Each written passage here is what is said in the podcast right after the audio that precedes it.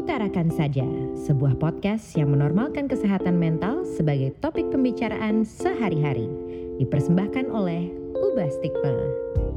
Selamat Hari Raya Idul Fitri 1442 Hijriah. Selamat Hari Lebaran. Mohon maaf lahir dan batin teman-teman semuanya. Selamat welcome kembali comeback di Utarakan Saja bersama gue Syafira. Hari ini adalah hari yang yang tentunya sangat istimewa karena gue recording di hari lebaran. Jadi benar-benar hari ini adalah hari atau tanggal 13 Mei 2021 di suatu sore menuju malam di hari lebaran di hari Idul Fitri tahun 2021. Mungkin kalau tahun lalu kita juga ada nih teman-teman episode yang membahas bagaimana kita bisa memaksimalkan perubahan kita ketika selama Ramadan uh, berjalan. Waktu itu pembahasannya bersama Mas Firman dari PDC Care. Mungkin teman-teman yang belum mendengarkan abis ini boleh banget uh, dengerin episodenya sangat-sangat insightful. Kita bahas tentang uh, gimana Ramadan itu nggak cuman menjadikan kita lebih baik lagi dalam bersabar, tapi juga membantu kita mengendalikan emosi kita, amarah kita, dan juga berkontribusi dalam kesehatan mental kita sendiri. Jadi kalau mau dengerin lebih lanjut, boleh banget uh, silahkan masuk ke Spotify, ke semua digital platform dan dengerin episodenya. Nah, karena sebelumnya kita udah pernah bahas tentang Ramadan itu sendiri, kali ini gue mau bahas tentang lebarannya. Lebaran yang kita ketahui adalah perayaan hari kemenangan setelah kurang lebih 30 hari atau satu bulan lamanya kita berpuasa, menahan haus dahaga, lapar, dan hawa nafsu. Akhirnya dirayakan dengan meriah dengan adanya hari raya Idul Fitri di mana kita biasanya sih makan-makan, bersilaturahmi, mengunjungi mengunjungi rumah-rumah keluarga terdekat gitu. Dan mungkin ada satu tradisi yang yang selalu ada ya setiap lebaran yaitu bermaaf-maafan. Biasanya yang gue tahu ada ada ada beda-beda mungkin ya di tiap rumah tapi uh, ada yang sebatas bersalam-salaman, cipika-cipiki, mengucap maaf, terus lanjut makan. Ada juga yang tradisinya itu sungkeman dari yang paling tua ke yang paling muda. Terus nggak tahu, mungkin ada lagi di luar sana kalau kalian gimana tradisi lebarannya? Udah minta maaf ke siapa aja? Kebetulan kalau gue sedihnya lagi-lagi belum bisa mudik, jadi belum bisa ketemu keluarga besar, cuman senangnya adalah tahun ini bokap berhasil pulang uh, sebelum diberlakukannya itu ya apa pembatasan uh, traveling dari kementerian. Uh, akhirnya bokap berhasil sampai rumah sebelum perbatasan itu ditutup. Traveling itu di dilarang untuk sampai tanggal 17 Mei. Jadi lebaran lengkap keluarga inti semua hadir dan uh, merayakan bersama-sama. Tapi meskipun begitu, kalau kita ngomongin soal teknologi ya, lagi-lagi terima kasih banyak dengan teknologi. Uh, walaupun nggak bisa bersama secara fisik, tapi tentunya masih bisa catching up dan bersilaturahmi secara virtual. Jadi lebarannya walaupun melalui video call, tapi setidaknya bisa bertatap muka lah sama keluarga yang ada di luar kota. Begitu pula dengan tradisi hampers. Gue mau bahas sedikit dengan tra tradisi hampers ya. Betapa mudahnya kita nge-reach out ke teman-teman kita, ke saudara-saudara kita yang walaupun berada misalnya ratusan kilometer lebih jauh dari kita, tapi dengan adanya gabungan teknologi dan akses ke hampers-hampers ini kita bisa tetap mengekspresikan kepedulian kita terhadap mereka melalui hampers, melalui sekotak apa pun itu, cake, coklat, ada yang ngirim sabun, ada yang ngirim lilin gitu. Jadi wah buka puasa waktu itu dikirimin hampers jadi meriah banget dan sangat-sangat bersyukur sih gue nggak tau ya gue gue mau mengambil momen ini untuk mengekspresikan betapa senangnya gue dan bahagianya gue dalam hari-hari maksudnya menjelang lebaran ini dapat kiriman hampers jadi ngerasa nggak kesepian gitu. Jadi ngerasa kayak bisa kalau yang bentuknya makanan gitu ya kayak makan bareng-bareng nih sama yang ngirim gitu. Padahal mungkin udah lama nggak ngomong tapi kok seneng gitu diinget. Dan kayak it made me realize banyak sekali orang baik yang ada di sekitar gue. Dan gue sangat bersyukur akan hal itu. Dan ini gue nggak cuma ngomong ngomongin orang-orang yang menjalankan Ramadan. Orang-orang teman-teman gue yang kebetulan non Muslim juga ikut me merayakan gitu hari ini. Uh, dan kebetulan emang bertepatan juga dengan hari kenaikan Isa al-Masih ya kalau nggak salah. Jadi ada sense of apa ya toleransi dan diversity itu sangat semakin apa ya semakin di embrace gitu. Dan gue sangat senang melihat itu uh, ada di lingkungan sekitar di masyarakat saat ini gitu. Bahwa kita semakin menoleransi satu sama lain dan harapannya mungkin ke depannya nggak cuma tentang agama tapi juga tentang hal-hal seperti kesehatan mental untuk kita semua saling support saling embrace that gitu. Saling mendukung satu sama lain seperti itu. Nah, balik lagi nih soal ke lebaran. Gue mau bahas soal tadi tradisi maaf-maafan. Uh, mungkin standarnya kita maaf-maafan sama keluarga dekat, sama teman, saudara, atau mungkin kerabat kerja. Biasanya uh, template lah ya. Kalau misalnya orang-orang kantor gitu-gitu kan ngirim broadcast chat, mohon maaf lahir dan batin, dan segala macem. Tapi pernah nggak sih teman-teman yang mendengarkan meminta maaf atau memaafkan diri sendiri? Mungkin pembahasannya jadi agak dalam, tapi gue mau menggunakan momentum ini untuk membahas sedikit tentang makna di balik self-forgiveness atau memaafkan diri sendiri. Kita tarik mundur dulu ke belakang dari kata maaf sendiri ya. Dari kata maaf sendiri sebenarnya apa sih yang dimaksud dengan maaf? Nah, sebenarnya kalau misalnya kita mengacu kepada KBBI Maaf itu artinya adalah pembebasan seseorang dari hukuman. Hukuman itu bisa tuntutan, denda, dan sebagainya karena kesalahan seseorang. Jadi ini menarik sih menurut gue karena di sini ada kata pembebasan seseorang dari hukuman. Jadi ada kesalahan di situ, ada kesalahan yang dibuat seseorang dan maka dia harus dibebaskan menggunakan kata maaf. Kata bebas sendiri sebenarnya maksudnya apa nih pembebasan dari hukuman apa? Orang kalau misalnya salah ngomong atau apa kan nggak dihukum, dia cuman ya membuat kesalahan, tapi maksudnya dibebaskan tuh apa? Tahu nggak sih bebas tuh artinya adalah lepas sama sekali, lepas dari kewajiban, dari tuntutan, dari perasaan takut, tidak dikenakan hukuman, dan tidak terikat atau terbatas oleh aturan atau sebagainya itu adalah bagian atau arti dari kata bebas. Jadi maaf itu untuk mendapatkan si kebebasan itu dari rasa mungkin kalau di sini konteksnya rasa bersalah kita akibat kesalahan yang kita perbuat terhadap orang lain. Lalu mungkin pertanyaan selanjutnya untuk apa minta maaf sama diri sendiri? Toh kan yang bikin salah diri kita sendiri dan mungkin sebagian besar kesalahan yang kita buat kita lakukan secara sadar dan mungkin tertrigger dari kita sendiri. Buat apa minta maaf sama diri sendiri? Ya nggak sih? Tapi menurut riset secara umum aja, ini dikutip dari American Psychology Association, itu beberapa riset tuh menunjukkan bahwa memaafkan, forgiveness, itu sangat berkaitan dengan kesehatan maupun baik itu uh, men secara mental ataupun secara fisik ya. Itu sangat berkaitan karena memaafkan itu bisa mengurangi kecemasan, depresi, atau bahkan ada psychiatric uh, disorders atau gangguan secara psikis dan beberapa kesehatan fisik. Jadi intinya di sini ketika kita belum ada rasa memaafkan itu, itu ada ibaratnya ada beban tadi kan um, hukuman dari sebuah kesalahan. Di situ ada beban yang ada pada diri kita sehingga kita tuh nggak bisa melakukan hal-hal tuh secara lega melakukan hal-hal itu secara bebas tadi gitu dan di sini gue membahas sedikit lebih dalam lagi tentang self forgiveness itu ada di salah satu TED Talk yang gue pernah nonton itu oleh uh, Josh Galarza. Di situ dia menceritakan bagaimana self forgiveness pada akhirnya menjadi penyelamat hidup dia. Jadi teman-teman bisa bayangin the power of self forgiveness, kekuatan tentang memaafkan diri sendiri bisa menyelamatkan hidup seseorang. Dan dalam konteks ini hidup dirinya sendiri, hidupnya si Josh ini sendiri. Kok bisa? Pertanyaannya. Teman-teman silahkan kalau mau nonton episodenya dulu, take your time. Tapi uh, singkatnya gue bantu ceritakan di sini adalah si Josh ini melewati masa di mana dia mem memiliki kebencian terhadap seseorang, kebencian dan kemarahan. Gue agak lupa waktu itu pokoknya dia marah dengan pasangan ibunya, mana si orang ini tuh sangat abusive dan pokoknya nggak baiklah ke ibunya. Jadi karena dia menyakiti ibunya ini timbullah rasa kebencian Josh dan hingga dia harus keluar dari rumah karena satu dan lain hal dan bertahun-tahun kemudian dia selalu apa ya ada kebencian ini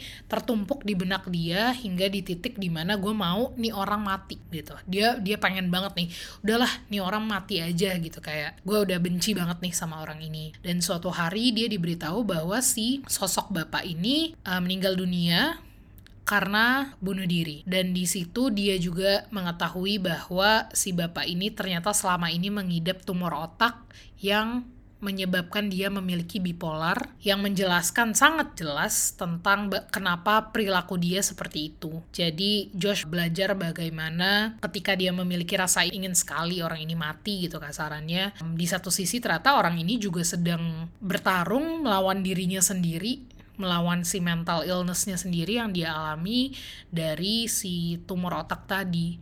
Dan di situ Josh merasa sangat bersalah dan akhirnya dia itu juga merusak kesehatan mental dia gitu. Dengan kenapa gue lebih pengen orang ini mati ketimbang gue pengen hal yang baik untuk dia gitulah kasarannya. Jadi bertahun-tahun Josh harus mengalami juga gangguan mental di mana dia nggak bisa berhenti mendengar suara-suara yang berkaitan dengan sosok ini dan muncullah trigger-trigger ia ingin mengakhiri hidupnya dan segala macem. Pada akhirnya dia ya udah dia belajar oke okay, gue coba maafin semua orang di sekitar gue untuk meredakan amarah gue meredakan beban emosi gue meredakan beban mental gue dan itu sudah berhasil dia lakukan cuman kok belum reda nih gitu. Masih ada yang mengganjal gitu di pikiran gue ada apa gitu. Sampai akhirnya dia menemukan si self forgiveness ini di mana dia akhirnya mempelajari gimana caranya dia memaafkan dirinya sendiri atas rasa amarah yang dia punya rasa kebencian yang dia punya dan pada akhirnya menerima situasi dan berdamai dengan dirinya sendiri. Kebayang nggak? It's hell of a journey. Itu journey yang sangat panjang. Mungkin itu perjalanan seumur hidup ya untuk bisa menerima pada akhirnya bisa memaafkan dan memaafkan diri sendiri.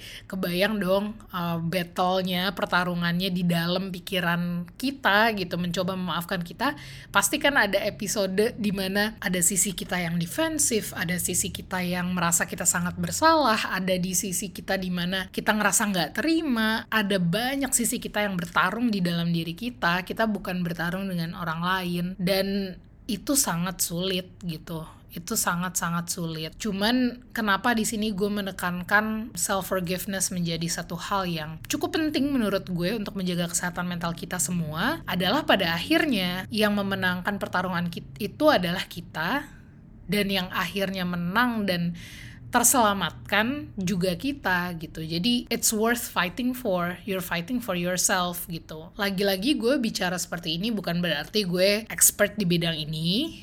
Pertama itu, kedua gue juga sampai saat ini masih going through my own healing journey, masih melalui proses pemulihan gue sendiri, masih mencari cara untuk menerima diri gue sendiri. Jadi gue justru di sini mau mau menggunakan kesempatan ini untuk mengundang teman-teman semua, mengajak kalian semua untuk ayo kita sama-sama let's go through this journey together. Ini merupakan sebuah perjalanan yang panjang, tapi hasilnya pasti sangat worth it. Kenapa? Karena pada akhirnya kita melakukan ini bukan untuk menyelamatkan siapa-siapa, bukan untuk mengimpress siapa-siapa, tapi untuk menyelamatkan diri kita sendiri dan berdamai dengan diri kita sendiri. Selain itu, kalau kita bicara soal self forgiveness tadi, sebenarnya memaafkan diri sendiri ini juga berkaitan dengan yang namanya self acceptance atau menerima diri sendiri. Kenapa kita harus menerima diri sendiri? Kok kayaknya mungkin ya, mungkin ngelihat tren sekarang tuh zaman sekarang apalagi anak-anak muda kok kayaknya sangat-sangat ekspresif sangat-sangat outspoken. Untuk apa sih menerima diri sendiri gitu? Kok kayaknya sekarang tuh self acceptance tuh heboh banget sih diomongin. Buat apa sih? Kayaknya lagi tren ya, quote unquote lagi tren sekarang orang berkoar-koar tentang self acceptance. Secara garis besar, again I'm not an expert on this, gue bukan ahlinya, tapi secara garis besar menerima diri sendiri adalah salah satu langkah untuk kita menjalani hidup yang lebih bahagia. Gue nggak mengatakan bahwa self acceptance adalah the only way, tapi setidaknya itu merupakan jurus besar untuk kita merasakan untuk kita bisa hidup dengan rasa cukup dan tentunya untuk kita lebih bisa menghargai diri sendiri karena sering kali untuk melewati tantangan-tantangan hidup yang begitu sulit, yang begitu menantang, kita cenderung selalu mengorbankan diri kita sendiri terlebih dahulu. Lucu ya. Jadi ketika hal-hal baik kita selalu memprioritaskan orang lain, tapi untuk hal-hal yang quote unquote buruk kita justru biarin diri kita duluan deh yang kena gitu. Dan di sini adalah the art of self acceptance tadi, self forgiveness tadi, self love tadi gitu. Dan waktu itu ada sebuah percakapan yang menurut gue cukup menarik antara Oprah Winfrey dengan Mark Nepo tentang perbedaan acceptance, menerima, dan surrender berserah diri. Nah, ini menarik nih. Gue rekomen kalian untuk have a look. Jadi Mark di sini basically bilang surrender itu adalah essentially berserah itu mengikuti arus yang sudah ditentukan dari yang di atas ya. Kita semua udah punya garis hidup masing-masing. Jadi kita ngikutin aja nih ke mana arus ini membawa. Dan menerima atau acceptance itu adalah ketika kita menemukan tantangan-tantangan tersendiri nih. Jadi dalam hidup kan pasti nggak semuanya mulus-mulus aja ibarat kita ngikutin arus sungai juga kan tentunya nggak mulus-mulus aja ada naik turun ada batu segede-gede apaan gitu kan depan mata. Nah ketika kita bicara tentang acceptance itu adalah ketika kita nubruk nih batu apakah kita berhenti atau ya udah kita lewatin aja batunya kita jalan lagi gitu. Kalau ngelihat sungai kan ibaratnya kita punya pilihan untuk ya udah berlabuh aja kita minggir deh minggir terus istirahat atau kita berhenti aja deh nggak usah nggak usah ngejar sampai ujung sungainya. Padahal kita nggak tahu di ujung sungai itu ada air terjun yang begitu indah tapi yang namanya air terjun ada terjun dulu kan ada terjun dulu sebelum kita ngeliat perairan yang begitu indah, begitu jernih, ternyata bisa berenang di sana, bisa hidup di sana gitu. Atau ada ada sebuah simbol ya, simbolisme yang digunakan si Mark juga dia bilang when a butterfly emerges, the cocoon has served its purpose. It doesn't mean it's false. Our dreams, our identities, our ambitions, our relationships often are cocoons that lead us to the next. But we get so understandably attached that we get in conflict when it breaks or falls away that we don't see what it's opened us to. Menarik dia menggunakan bagaimana kepompong di sini menjadi sebuah simbol ketika kupu-kupu itu berangkat dari meninggalkan kepompong itu ya kepompong itu udah udah hidup atau menjadi purpose-nya tujuannya itu ya untuk membiarkan si ulat ini yang tadinya menjadi dari ulat evolve menjadi kupu-kupu dan itu bukan kesalahan. Dia ngunci kan si ulat itu jadi nggak bisa ke mana-mana seolah-olah. Dia stuck di situ untuk suatu periode. Kemudian tahunya pas kebuka ternyata dia udah berevolusi menjadi kupu-kupu. Jadi kadang kita melihat mimpi kita, identitas kita, hubungan-hubungan kita yang harusnya memang selesai gitu. Mungkin dalam konteks ini bukan hancur tapi harus selesai, cukup sampai di sini.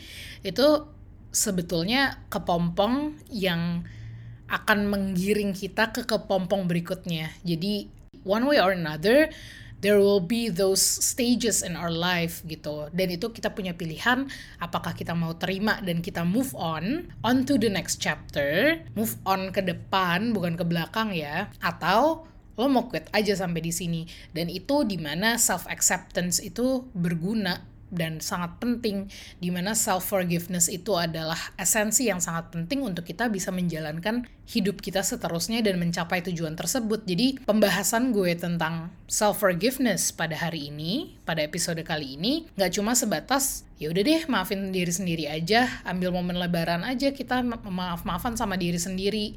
Gue harap itu semudah itu prosesnya. Gue harap dengan kita mengambil momen lebaran, maaf-maafan sekali jebret, udah selesai masalah kita, maafin sekali, bisa menjalankan hidup kita, mencapai tujuan kita langsung ngikutin arus aja. Udah nggak usah worry about anything, nggak usah mikirin tentang apa pun karena semua udah ada jalannya. Gue harap semudah itu. Tapi kenyataannya tidak.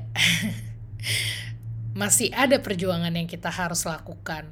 Being able to forgive yourself, kemampuan kita untuk akhirnya bisa memaafkan diri sendiri, itu bukanlah a one off journey, bukan perjalanan sekali aja tapi ke depannya akan muncul kejadian-kejadian lain, tantangan-tantangan lain yang pada akhirnya juga memaksa kita atau mengharuskan kita memaafkan diri kita lagi, lagi dan lagi gitu. Jadi itu a life skill lah. It's a lifelong journey. It's not a one time off um, forgiveness, self forgiveness, self love juga bukan sekali lo kayak oke okay, gue terima diri gue apa adanya. I wish ketika kita bilang gitu diri kita langsung kayak oke okay, let's go through this, let's battle everything, uh, let's go through all the challenges in life. Ayo kita lewatin semua tantangan di hidup kita tanpa akan rasa jatuh lagi. Semua orang pasti berharap seperti itu, tapi kenyataannya tantangan itu akan terus ada Pertama itu. Kedua, akan banyak situasi di mana kita diharuskan untuk pick ourselves back up, untuk berdiri lagi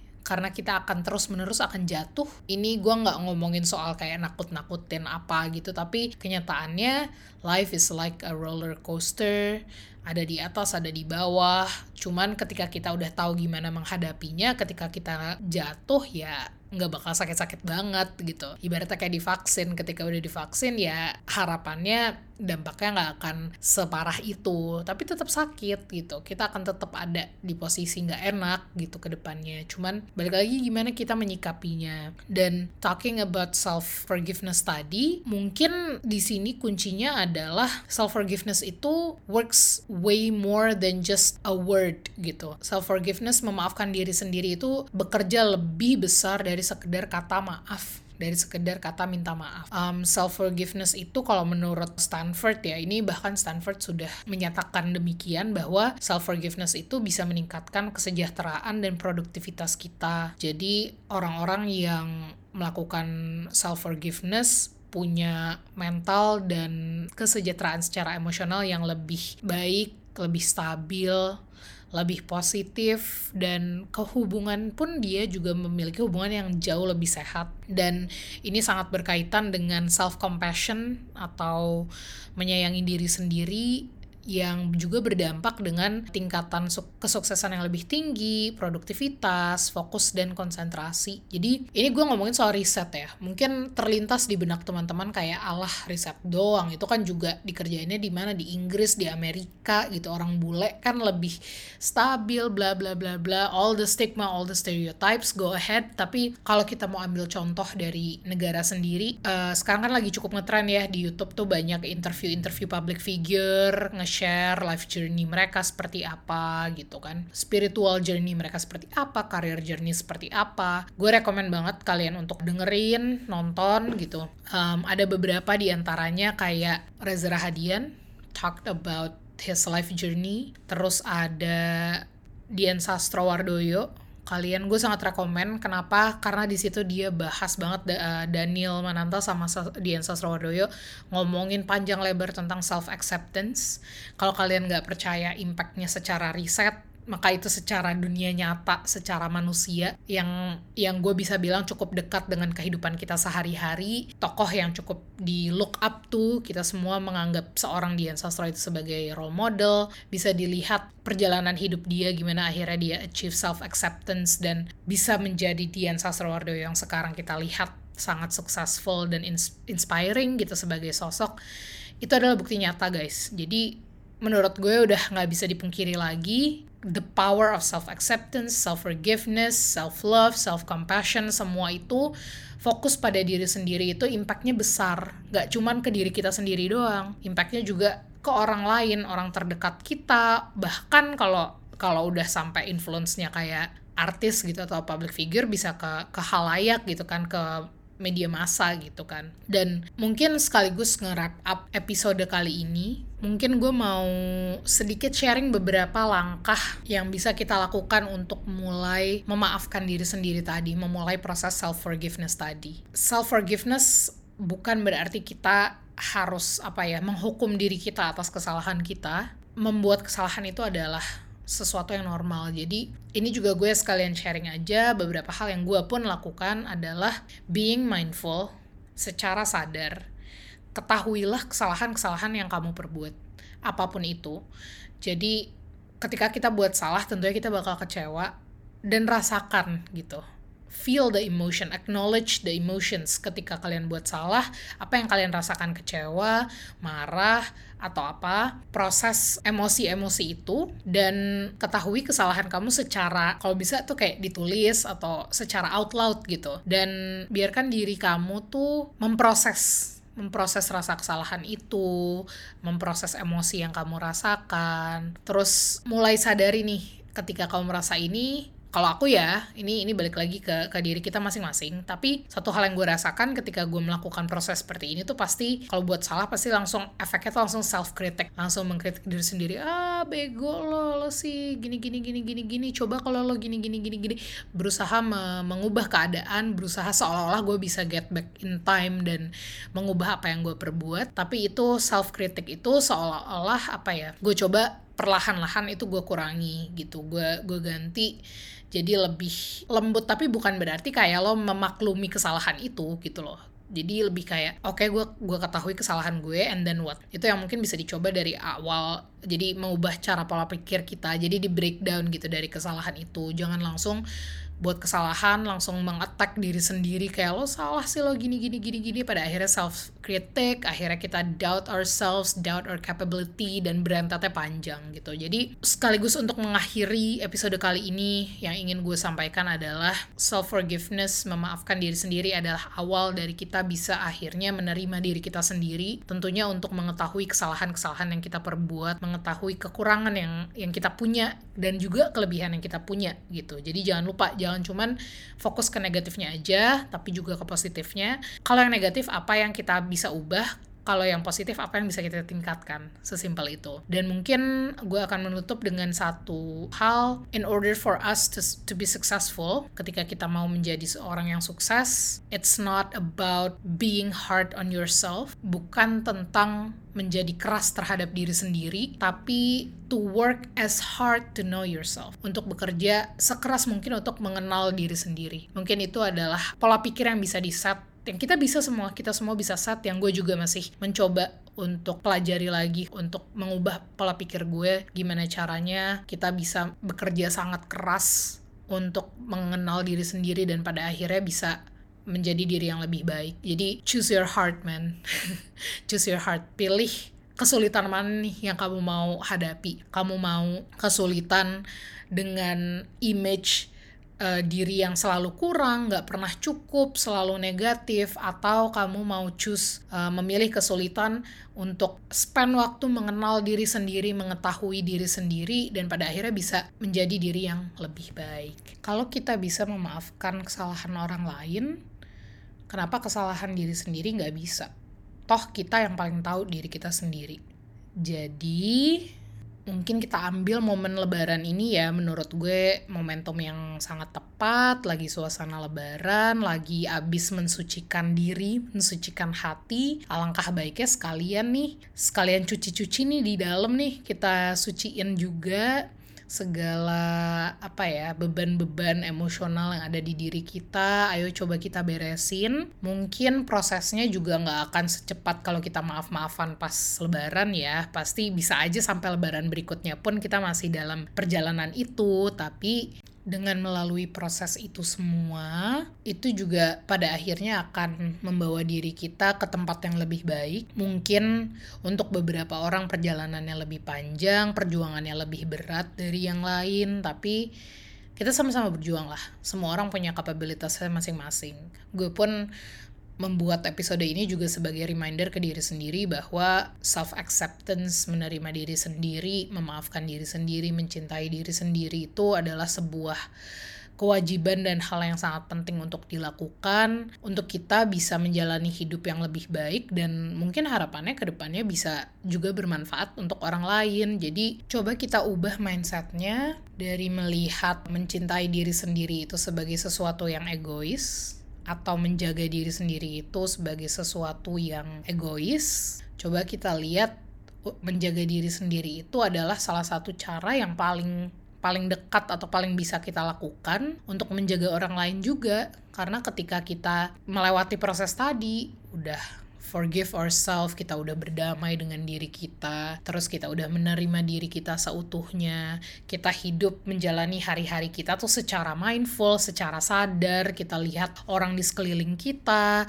kita lihat apa namanya hubungan kita dengan mereka, kita juga semakin sadar gimana cara kita menjaga hubungan itu dan gimana caranya kita bisa jadi dukungan juga buat orang lain karena kita udah melalui proses ini mungkin ke depannya ada ilmu-ilmu yang bisa kita bagikan ke orang lain yang sedang melalui struggle yang kita baru saja lewati. Pada akhirnya kita bisa membantu orang lain juga dan jadi bermanfaat. Jadi self love akhirnya kita bisa spread love melalui self love tersebut gitu. Oke, okay, welcome to my TED Talk. Makasih banget yang udah mendengarkan sampai akhir episode ini. Lagi-lagi gue tidak bermaksud untuk mengajarkan siapa pun, cuman gue mau sharing aja apa aja yang udah gue pelajari nih beberapa waktu ini khususnya selama Ramadan ini dan yang yang akhirnya mencetuskan pemikiran di kepala gue tentang self forgiveness atau memaafkan diri sendiri. Yang gue harap pada akhirnya nanti kita kita semua bisa mengaplikasikan terhadap terhadap diri kita sendiri. Gue pun juga masih belajar dan gue harap episode kali ini berguna untuk kalian semua dan please banget would love to know your your journey jadi um, jangan lupa untuk boleh banget kalian DM ke Utarakan saja atau mau reach out ke safe space di newsletternya Ubah Stigma, share cerita kalian atau kita nanti bisa ngobrol-ngobrol bareng dan I guess I'll see you guys in the next episode. Bye.